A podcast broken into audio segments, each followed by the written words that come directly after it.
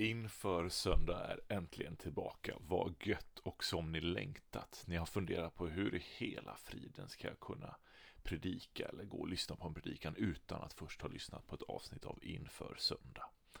Nej, ska jag bara. Men himla gött att vara tillbaka igen. Nu har vi en ny säsong framför oss. Det har dröjt lite för vi har haft lite sjukdomar och annat som kommit i vägen och dessutom så har minst ett avsnitt helt försvunnit från eh, min eh, eh, hårddisk. Eh, så vi får spela in lite nya grejer.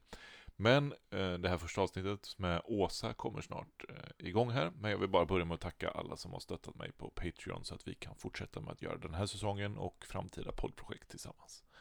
Ha det gött, nu kör vi igång.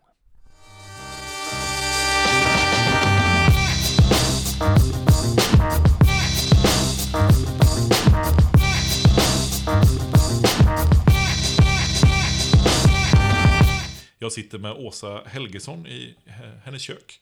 Så det är därför ni får lite så naturliga köksljud i bakgrunden och lite knarr och sånt där.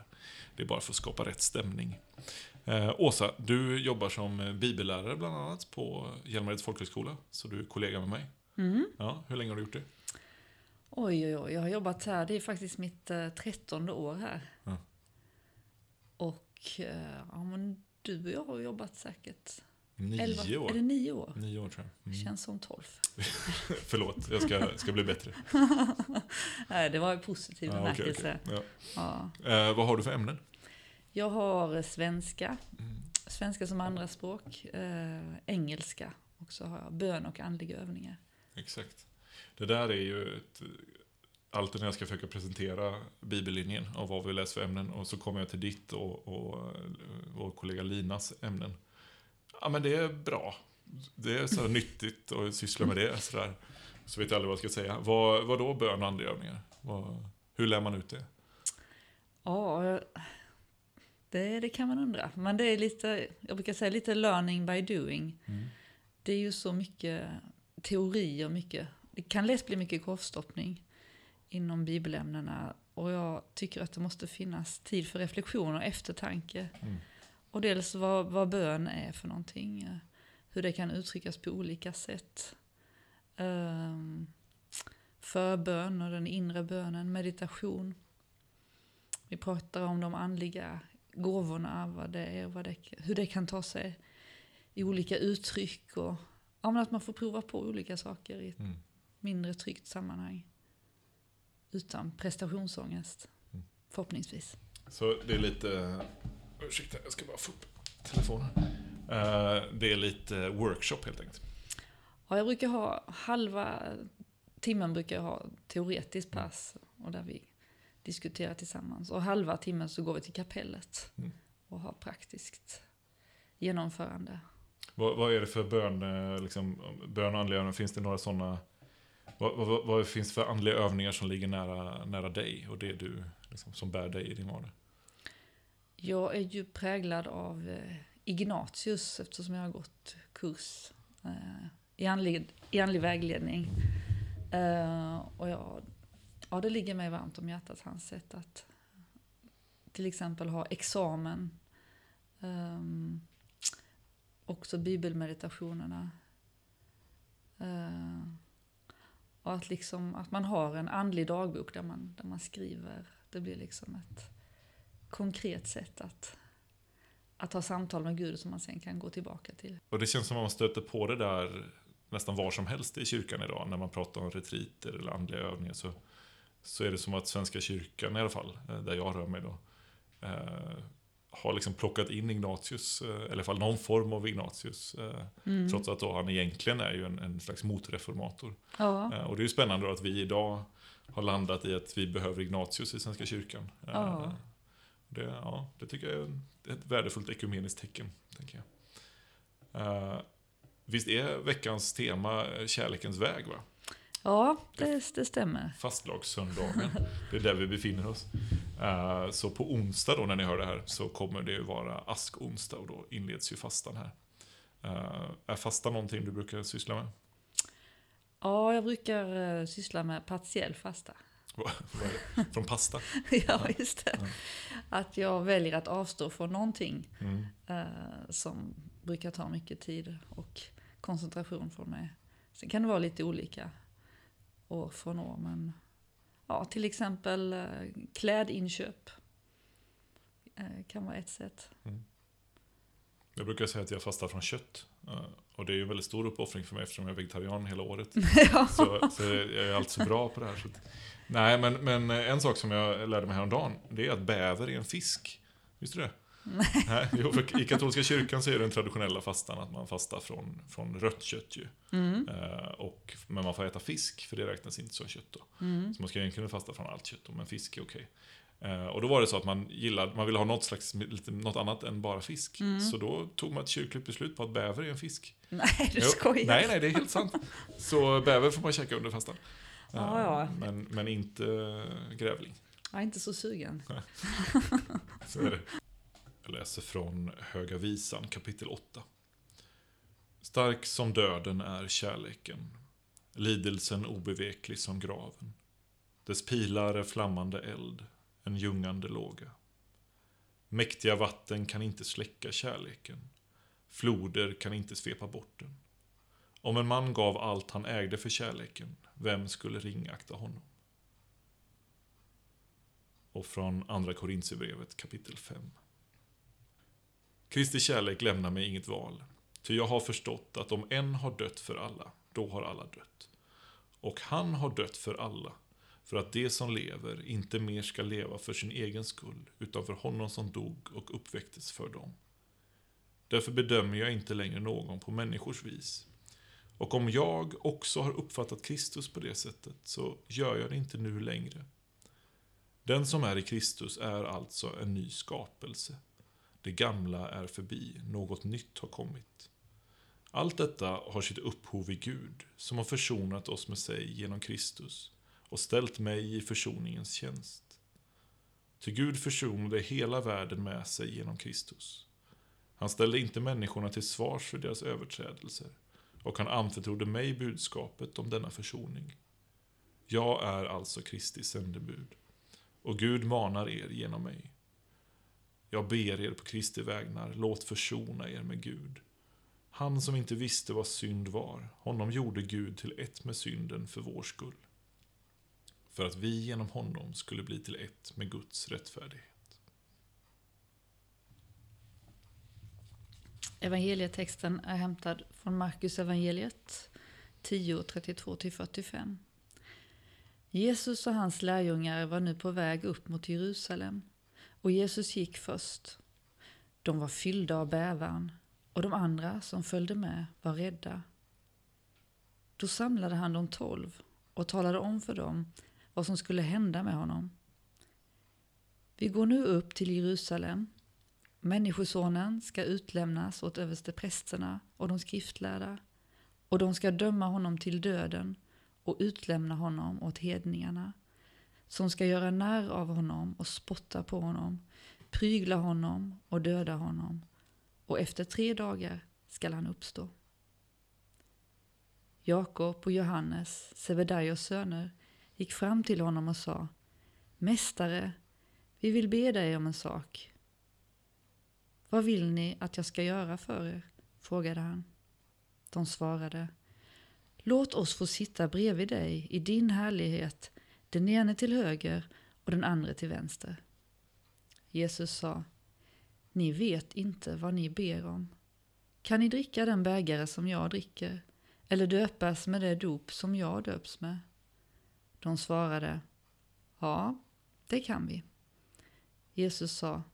Den bägare som jag dricker ska ni få dricka, och det dop som jag döps med ska ni döpas med. Men platserna till höger och vänster om mig kan jag bara ge till dem som har bestämts därtill.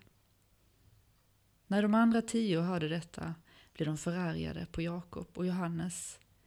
Jesus kallade till sig dem och sa Ni vet att de som räknas som härskare är herre över sina folk och att furstarna har makten över folken. Men så är det inte hos er. Den som vill vara stor bland er ska vara de andras tjänare, och den som vill vara den första bland er ska vara allas slav. Människosonen har inte kommit för att bli tjänad, utan för att tjäna och ge sitt liv till lösen för många. Jag tycker de är ju rätt så kaxiga, Jakob och Johannes, som liksom kan inte vi få sitta bredvid dig? Mm. Det är väldigt så här, modigt. På hedersplatserna, ja. ja men de har ju gott självförtroende i alla fall. Ja, verkligen. Ja. Du kände lite så, oj då.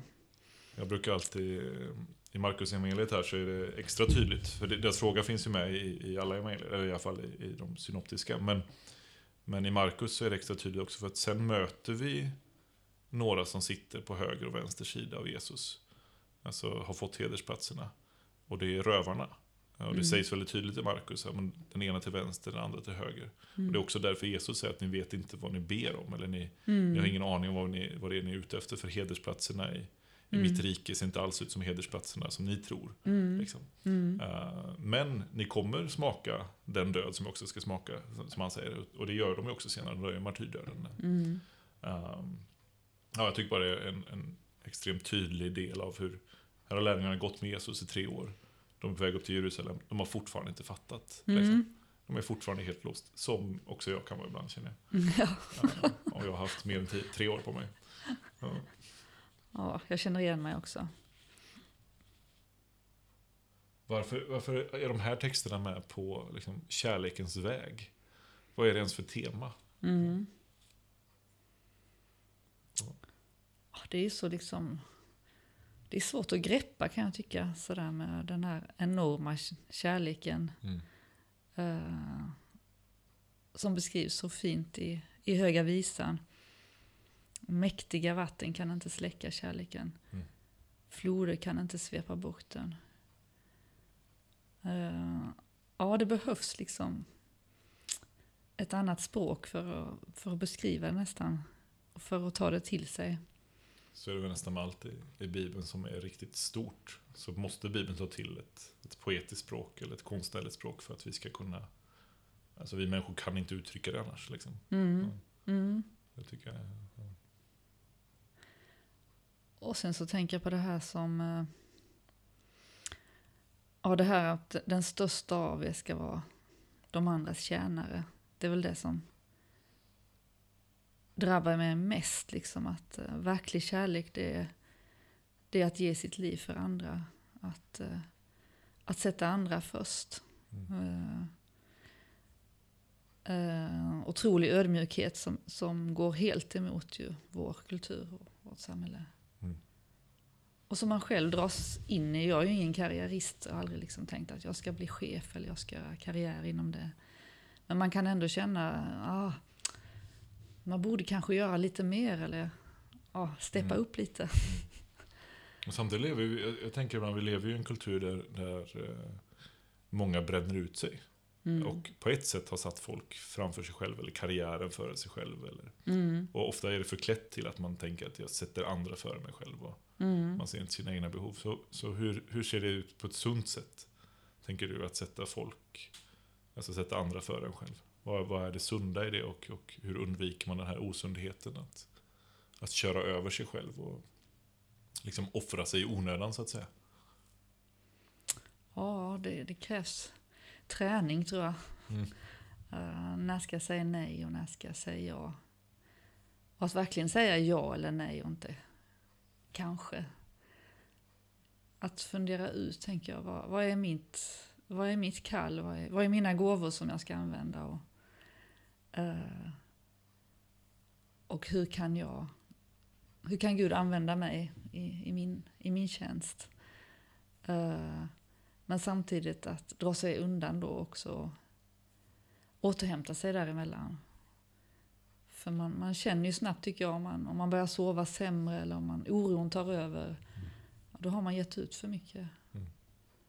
Alltså man, man känner sig själv på djupet. Och, och också den andliga urskiljningen tänker jag. Se vad är det? Vad är rätt väg att gå och för vems skull Mm. gör jag detta? Den frågan kanske är i alla fall en sån fråga jag verkligen behöver. eh, För jag har en historia av utbrändhet då, för er som inte vet det. Åsa vet ju det. Men, Mm. men där tänker jag, så här, för vems skull är det jag offrar mig nu egentligen? Liksom? Mm. Eh, är det bara mitt jobb som tjänar på detta? Eller tjänar verkligen liksom... Finns det ett, finns, måste jag offra mig själv nu? Mm. Eller göra snarare en otjänst? Mm. För ibland så tenderar ju våra organisationer och andra att, att, att eh, vara strukturerade på ett sånt sätt att människor slits ut för att man inte vill att saker ska hamna mellan stolarna så att säga. Mm. Och så kommer det person efter person som upprätthåller ett ohållbart system. Eh, och så bränner man ut sig och sen kommer nästa person och upprätthåller det. Och genom att hela tiden offra sig på det sättet som vi kanske gör i kyrkan, då, det klassisk historia i frikyrkopastorer. Mm. Um, eller även präster, men, men speciellt i frikyrkan kanske. Mm. Uh, där man liksom offrar sig för Guds rike, tänker man. Mm. Uh, men egentligen är det enda man gör är att upprätthålla ett osunt system kring pastorn och Mm. hur mycket en pastor ska jobba och vilka roller pastor ska uppfylla och liksom, Mm. uh, försöka vara alla till lags och så vidare. Mm. Och där kanske det mest, bästa sättet att tjäna andra är ju då att säga, nej men, jag ska jobba lagom. Mm. Och så ska jag förbereda den här församlingen på att de behöver fler folk i funktion än pastorn. Mm. Uh, och det är ju på ett sätt att ta hand om sig själv, men genom att göra det så, så tjänar jag också andra. För att jag gör ju, syftet är ju att få kyrkan att fungera bättre. Mm. Um, men om jag, om jag bara kör på snabbt så här, och inte te- ställer sig den frågan Mm. så, så tänker jag att det är lätt att, att fastna i ja, men ekorrhjulet. Liksom, Mm. även i kyrkans eh, liv. Liksom. Mm. Och jag tänker att vara ledare överhuvudtaget, att det är inget ensamjobb. Eh, Jesus sände ut sina lärjungar. Han sände ju alltid ut de två och två. De var ju aldrig ensamma. Nej. Men eh, vi har någon sån konstig kultur att man ska, ja, att man ofta utsätter folk så att de inte har en skyddsnät runt omkring sig. Och jag tänker, jag har ju också ledarposition som, som lärare och jag märker de perioder när jag blir för ensam, då, Mm. nej, då, då, då fungerar jag inte lika bra. Jag bränner ut mig mycket snabbare. Jag tror vi behöver bollplank också för att bli sundare ledare. Mm. Och ja, det tror jag kan, kan vara en kärlekens väg också. Att man delar uppdrag. Det är spännande när Jesus då säger att, att, att det är tjänande som är det sanna ledarskapet. Och ibland så, så tycker jag att vi går lite för fort därifrån till att säga ja, men, och därför ska våra ledare betjäna andra människor. Mm. Och de ska fokusera på att vara tjänare och inte, inte söka makt och sådana grejer. Mm. Och det är väl jättebra, det är ju säkert det är ju i linje liksom såklart med Mm. evangeliet. Men ibland tänker jag att Jesus faktiskt säger någonting annat också. Och det är att de som är de verkliga ledarna Mm. är de som redan nu betjänar. Mm. Så vill ni se vart ledarna egentligen är i Guds rike, Mm. så är det inte så att ni ska säga till era världsliga ledare, var lite mer som tjänarna. Utan gå till tjänarna direkt. Liksom. Mm. Och, och det där tror jag vi ibland glömmer bort i kyrkan och tänker att ja, men, okej, jag ska vara lite mer betjänande. Mm. Men vilka är det som är de riktiga ledarna? Vilka är det som tvättar toaletterna? Mm. Eh, Vem är det som, som söndag efter söndag bakar till kyrkfikat och diskar efter kyrkfikat? Mm.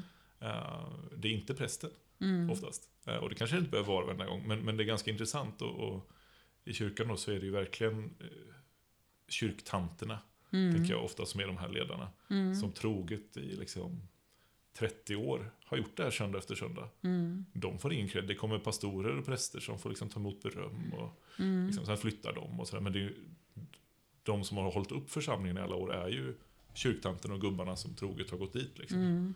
Och det tänker jag är, är eh, det är värt att säga att det där är ledarskap. Mm. Liksom. Eh, och det är något helt annat än att, att hitta en position där jag får en, en möjlighet att vara betjänande så att säga. I, Mm. i att vara präst. Utan det kanske inte är så att prästen inte är ledaren. Mm. Utan det är kyrktanten. Mm. Eh, Nej, men det är nyttigt perspektiv och vänd, alltså man vänder upp och ner på det. Och jag tänker också att ingen skulle vilja vara i, i en lokal där, där det aldrig blir städat. Då skulle man inte ens... Nej, det är liksom fundamentalt. Mm. Eh, och vi måste få någon slags fika eller mat i oss. Och, Mm. Ja, I församlingen jag är med i så städar vi ju. Vi har ingen... eh, Alltså vi delar på städningen i församlingen. Mm. Eh, Så vi får städa våra lokal själva så att säga. Vi har ingen anställd för att göra det. Och det gör någonting också med församlingen. Alltså Mm. här ses vi en lördag förmiddag i en och en halv timme. Och några stycken och dammsuger och städar. Kyrkan blir ju våran. Liksom. Mm. Kyrkolokalen blir vårat vardagsrum. mm, Det blir vårat hem. Vi får en kärlek till det för vi har lagt ner tid i, mm, i lokalen. Liksom.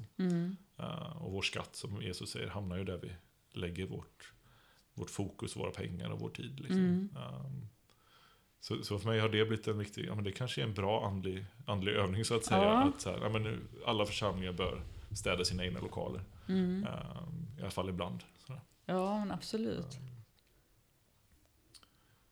En sak som, som slår mig lite, om man ska vara lite djupare här då och, och flumma till det lite, eh, vilket jag i och för sig inte tycker att det är, men i andra Korintierbrevet här med, med Paulus, eh, så pratar han eh, rätt mycket, utan att säga det rakt ut, med, med utgångspunkt i Jesaja. Alltså hela dramat i Jesaja som finns om ny skapelse och det heliga berget där inget ont sker och där lammen ligger med vargar. Det blir alltid fel om man säger det på svenska, för de ligger ju inte med vargar, de ligger bredvid vargar. Mm. Eh, och och eh, där liksom det här fredsriket finns, den nya skapelsen målas upp i Jesaja. Mm. Och sen i Jesaja är det 53 med den lidande tjänaren. Mm. Eh, och här håller Paulus ihop de två Jesaja-perspektiven. Alltså den nya skapelsen har blivit möjlig på grund av Jesus. Och Jesus är också den lidande tjänaren, alltså den som försonar oss med, med Gud. Så att säga. Mm. Mm. Eh, och, och att Paulus är så djupt rotad i den profetiska traditionen där. Eh, så när, när det står att det är en ny skapelse, den som är i Kristus är alltså en ny skapelse. Så är ju det att vi som kristna har blivit en, en eh, försmak av det fredsriket som Jesaja pratar om.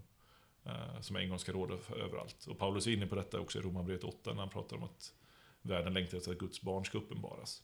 Den, den lider liksom och längtar efter det. Mm. Det blir samma sak där, att, att skapelsen eh, behöver människor som lever förnyade, alltså som den nya skapelsen redan är, här och nu. Mm. Eh, det är inte bara någonting som kommer sen den nya skapelsen. Mm. Alltså den nya himlen och den nya jorden, inte någonting vi behöver vänta på helt och hållet. Utan Mm. människan, eh, den kristna eller kyrkan, har blivit en del av den här nya skapelsen redan här och nu. Mm. Eh, och den finns tillgänglig så att säga. Eh, Är det som att Guds rike finns inom oss? Ja men precis. Jag Tänker tänker att det är samma, ny, Mm. jag tänker att det är olika ord att uttrycka samma Ja. sak egentligen. Mm. Ja, men jag gillar också det. När eh, den sista versen är ju, eh, om man var med på 80-talet i, i Sverige och, och eh, hörde någon trosförkunnelse, så fanns det ju de som pratade om att Jesus blev synd. Eh, eller till och med som vissa trosförkunnare sa, att Jesus blev ett med Satans natur. Och sådana grejer. Eh, och det bygger de ju på den här eh, sista versen. Han som inte visste vad synd var, honom gjorde Gud till ett med synden för vår skull. Och det är ju det här resultatet att liksom säga att, att Jesus blir synd eller Jesus blir ett med Satans natur är ju att, att dra ut det där sammanhanget, eller det där ordet från sitt sammanhang och sin eh, övrig Paulus-teologi, tänker jag. Mm. Eh, Men det är ganska svårt att förstå. Alltså Mm. vad är det Paulus egentligen säger här? Vadå ett med synden? Eh, Mm. Att han tog på sig allt, all vår skit. Men då bär han ju synden, tänker jag. Ja. Men jag, jag googlade lite Mm. på vägen hit idag. Ja. Så här kommer jag med lösningen. Okej, får vi höra. Kanske. Nej, men eh, det, det grekiska ordet som används där, harmatia då, eller hur man nu uttalar det, eh, är ordet som används för eh, syndoffren. Alltså i Gamla Testamentet, i den grekiska översättningen av Gamla Testamentet, Mm. så används det ordet inte bara om att begå en synd, Mm. utan också om själva syndoffret, alltså när man offrar en, synd. Så att det, man skulle också kunna säga här då, att honom gjorde Gud till ett syndoffer. Mm. Eh, För Paulus läste den grekiska översättningen av Gamla Testamentet och det var den som han predikade utifrån. Och så. Mm. Eh, så egentligen så är det inte ett med synden som sådan som vi tänker, alltså att man, den onda kraften, synden som Jesus blir Mm. ett med. Eh, utan det är att han blir ett syndoffer. Uh, honom gjorde Gud till ett syndoffer. Mm. Eh, och jag brottas ju fram och tillbaka hela tiden där med att för vems skull dör Jesus? Liksom? Mm. Är det vi människor som behöver att Jesus dör? Eller är det Gud som behöver det? Och I vår lutherska tradition så har vi ju väldigt mycket hamnat på det sista. Ofta att, att det är Gud som kräver någon slags rättvisa för att kunna Gud måste straffa det onda för att hans rättvisa ska råda. Eller det här Mm. ställföreträdande dödandet. Och, och jag får ganska mycket problem med det. Eh, för att Jesus ber oss förlåta andra, eh, så som Gud har förlåtit oss. Mm. Eh, och om någon annan, om du skyllde mig pengar, Mm. ja, och så kommer eh, Per, vår kollega, Mm. och betalar din skuld till mig. Mm. Eh, då har inte jag förlåtit dig din skuld. Då har ju Per tagit din skuld på sig. Mm. Och sen betalat den till mig. Så jag, om jag är den som är skyld, alltså, du är skyldig någonting till. Mm. Då har ju inte jag, jag har inte gett dig någon förlåtelse. För någon annan har ju betalat. Mm. Så det är inte förlåtelse. Så när vi talar om att Gud förlåter oss våra synder. På grund av vad Jesus gör. Det håller inte. Eh, men om, om eh, det är så att, att synden inte är, alltså din skuld inte står eh, i skuld till, till Gud. Utan till döden och synden och eh, ondskan. Eh, och det är den du sitter fångad av. Och Paulus använder ju ofta det språket. Att Gud är, eller Jesus är en befriare. Eller han, Jesus är den som köper oss fri. Han använder till och med ordet av, av att sitta i skuld. Då. Mm. Uh, och, och, och jag då är djävulen här istället då. Som är lätt att tänka sig. Och så, så är du skyldig mig pengar. Och så kommer Per. Och så betalar han skulden till mig så att jag släpper dig. Mm. Och sen säger Per, du är inte skyldig mig några pengar. Där har vi förlåtelse. Mm. Där har vi en ställföreträdande död. Så att säga. Men det är ju inte Gud som behöver döden. Det är Gud som betalar priset. Uh, Mm. och, och där tycker jag det finns en, en stor skillnad i allt det här. Mm. Uh, och även syndoffret i, i Gamla Testamentet är ju att prästen lägger händerna på uh, fåret eller geten eller vad det är. Mm. Uh, och så skickas ju den ut i ödemarken, den slaktas ju inte. Nej. Utan den skickas ju bort från oss. Mm. Ehm, och beroende på, nu, nu kanske det blir flummigt här, men då tänker jag så att när, när Jesus dör på korset så läggs, vi lägger våra händer så att säga på Jesus. Vi ger honom allt vi har. Mm. Allt våld, allting. Det, det är liksom samverkar runt Jesus på korset och vi dödar honom. Mm. Så där får, lägger vi alltså all vår synd på, Mm. på honom. Uh, på att säga, vi kommer dit. Eh, och sen skickas ju Jesus bort, alltså det yttersta, bort, han dör Mm. liksom, till, till andra sidan, till verkligen ödemarken. Mm. Men han kommer tillbaka, uppstånden, och där har han besegrat så att säga. Mm. Um, så för mig, där, någonstans där har jag börjat liksom utforska min, min teologi på senare, senare år. Men, men hur, har du, hur tänker du här? Jag tycker det är intressant att, att liksom ställa den frågan. Oh, det var en stor fråga. Ja, det inte, inte lätt att svara eh, enkelt på det. Det är kanske bara jag som skapar problem i mitt huvud. Jag tänker att, eh, att det, är det kanske är lite win-win situation Mm. för Gud. Det här. Mm. Både han och vi eh, tjänar lite på detta. Mm. Men jag, eh, ja, jag är nog lite naiv i min tro. Sådär, och tänker att liksom att... Ja, dels så har jag svårt att förstå det fullt ut. Det är så stort liksom. Mm. Men, ja, men att... Ja, Jesus tar, tar allt vårt elände på sig. Eh, och, eh, och det är ju kärlek om något att göra det. Mm. Och att du är vårt ställe. Eh, och sen dessutom komma tillbaka och återuppstå. Han, han överger oss aldrig. Nej. Men eh, steg två där i analysen, den- jag hänger inte Mm. riktigt med i svängarna. Och där tänker det, det är nog en ganska sund eh, inställning du har där, tänker jag.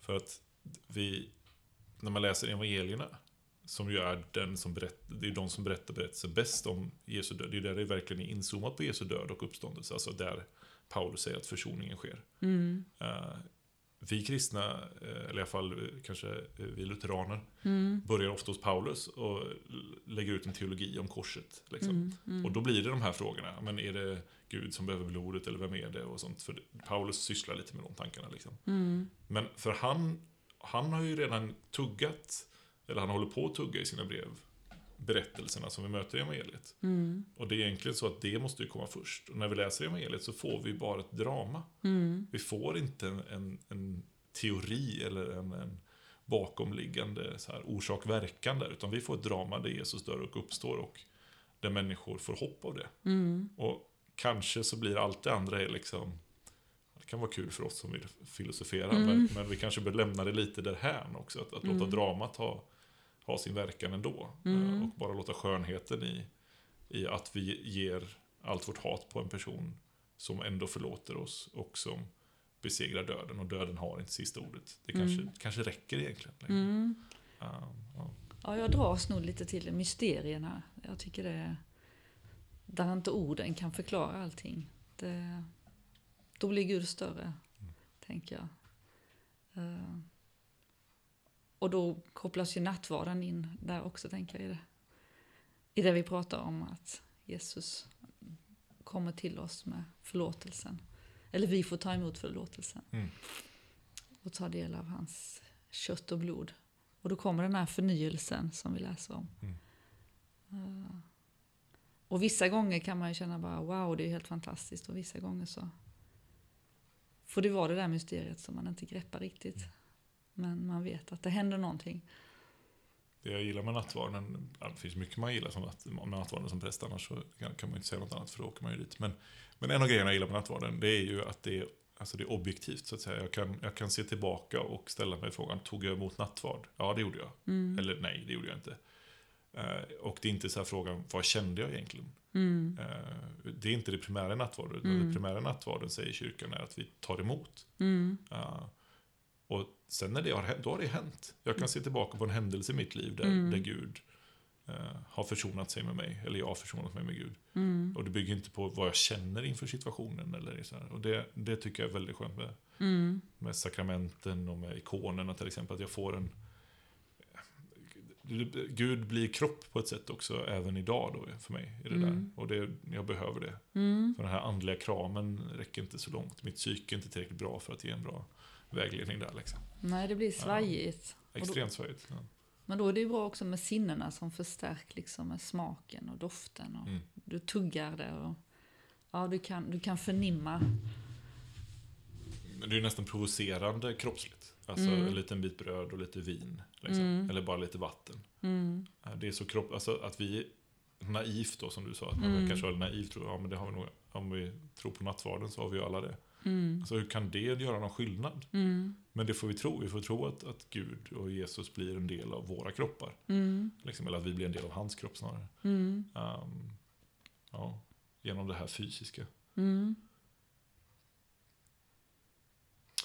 Fasta handlar ju egentligen också om det där. Alltså att, att använda kroppen för att, att eh, möta Gud på något sätt. Att Mm. kroppen är inte... Eh, ibland kan man få för sig att fasta handlar om att kroppen är vår fiende och vi ska liksom späka vår fiende och, och därför så fastar vi. Men, men de, de tidigaste kyrkofäderna och de här um-, ökenmödrarna, och de här, när de fastade så, visst det fanns de som hade kroppsförakt där också, men, men fokus ligger på att genom att använda kroppen och göra nya vanor, som fasta till exempel, Mm så skapar vi också, besegrar vi lättare de onda vanorna. Alltså en, Mm. eh, det finns ett sånt uttryck i tidiga kyrkan, att en, en ond vana eh, besegras genom en god vana. Mm. Eh, Och det tänker jag fasta snarare är, det behöver inte alltid vara att avstå någonting, det kan också vara att lägga till någonting. Mm. Liksom. Ja, det tycker jag är klokt. Och för mig har det fått bli liksom bärande då, eftersom jag inte äter bäver och, och sådär. Mm. Så, så, så liksom, okej, vad, vad lägger jag till mig med under fastan? Liksom. Eh, och för mig har till exempel examen varit en sån grej som jag har gjort. Då. Mm. Eh, för jag orkar inte hålla det hela året. Mm. Eh, kan vara att jag är småbarnsförälder. Men, men så är det. Eh, och, men under fastan, då, okej, det är 40 dagar. Det kan jag hålla. Liksom. Mm. Så examen har liksom fått bli en fasta för mig då. Nu gör jag det här varje kväll, tar den här tiden. Ja. Jag tycker, all- jag tycker att Korintierbrevet är krångligt läst alltså. Eh, Men så skriver ju Paulus det är så mycket hit och dit. Eh, Ja, en liten fördjupning i det kanske. Jag, jag fastnar för första raden, alltså Kristi kärlek lämnar mig inget val. Vi brukar fokusera så mycket på den fria viljan i, i, i vissa delar av kristenheten. Just det. Eh, och att hur viktig den är för Gud och sådär. Men helt plötsligt så verkar Paulus säga att den fria viljan är, är borta. Alltså när han har mött Kristi kärlek Mm. så, så finns det egentligen inget val kvar. Och, och det kanske är den, liksom, den, den största formen av frihet. Jag tror att vi ibland blir alldeles för filosofiska med det där, men, men ja, att liksom få, ha mött en kärlek som gör att jag agerar. Att jag betjänar andra eller offrar mig för andra. Eller så här. Eh, och jag gör det inte för att jag måste eller för att jag tycker att det är moralisk plikt. Det kan man ju göra ibland också. Mm. Men när man har mött en kärlek som inte ger något val så är det ju så mycket lättare. Mm. Och så är det ju, det, är ju alltid jobbigt när präster pratar om sina barn, men, men så är det ju väldigt mycket att vara förälder. Mm. Det är ju inte så att jag tänker att det är min moraliska plikt att ta hand om min son och offra min tid Mm. och min sömn och mina pengar och eh, alla mina projekt jag hade kunnat göra istället. Mm. Utan tvärtom så jag gör det ju för att jag älskar honom. Liksom. Mm. Och den kärleken, när den får drabba oss, så tänker jag att det inte, då kan man också undvika utbrändhet på ett annat sätt. Mm. För det är inte det att jag kämpar emot någonting som egentligen dränerar mig, utan Mm. när jag gör detta så, så kan jag absolut bli trött. Mm. eh, Och jag kan bli, ha behov av vila, men, men det sliter inte ut mig om, om jag drivs av kärleken, tänker jag. Eller om, om den goda eftersmaken får att jag, det här gjorde jag för att jag ville, för att jag Mm. längtade, för att jag, Mm. jag drevs jag hade inget val, jag gjorde det ändå. Mm. Jag behövde inte sätta hemma och så här. Nu måste jag ta tag i den här arbetsuppgiften och ja, jag får offra mig då. Liksom. Mm. Eller, man ska ju vara duktig. Eller, så. Ja, precis. Nej, men det, det är bra. Att vara förälder är ju den största skolan i ödmjukhet. det- Det tycker jag också. Eh, Bra koppling. Jag, jag gillar också hur Jesus, hur Jesus snackar, att han liksom... När eh, lärjungarna frågar, eller säger mästare, vi vill be dig om en sak. Och så, så säger Jesus, vad vill, vad vill ni att jag ska göra för er? Alltså han frågar genuint efter vad, vad vi vill. Mm. Och jag, jag gillar det, det tilltalet. att Hur naiva frågor, och hur, hur vår längtan än ser ut, så, så vill han lyssna på den. Och jag tror att kanske i den där djupaste längtan så finns också det som vi är kallade till att göra, det som vi tycker om att göra. Och, ja, någon slags kärlekens väg i, i vårt liv, tänker jag. Eh, och det kan ju bli en vägvisare framåt. Även om man här, även om de här lärjungarna blev lite tillplattade så att säga. Egentligen räddar han ju livet på dem. Ja, i, Alltså- i förlängningen så, så lyfter han dem. hade han sagt ja till deras begäran så hade de korsfästs inom tre dagar. Liksom. Precis, lite drastiskt. Mm. Ja, tack Åsa för att du ville gästa oss. Eh, Men eh, bibelskola, varför ska man gå det? Alltså det ska ju alla människor gå, det är ju bara så. Det är ju samma som du läste här. Eh, Kristi kärlek lämnar mig inget val. Ty jag måste gå på bibelskola. Vilken ska man söka då?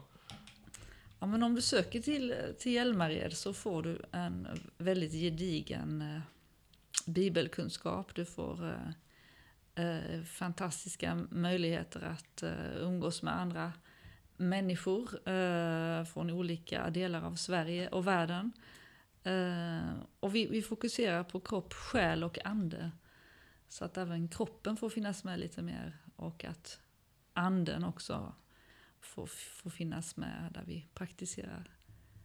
Och så får man göra lite praktik och ja, Precis. Så ni kan ju söka nu faktiskt. Eh, Ansökningen för hösten eh, finns ju öppna på hemsidan. gör det. Skynda dig och sök. Det kanske Platserna finns. kan ta slut. Ja,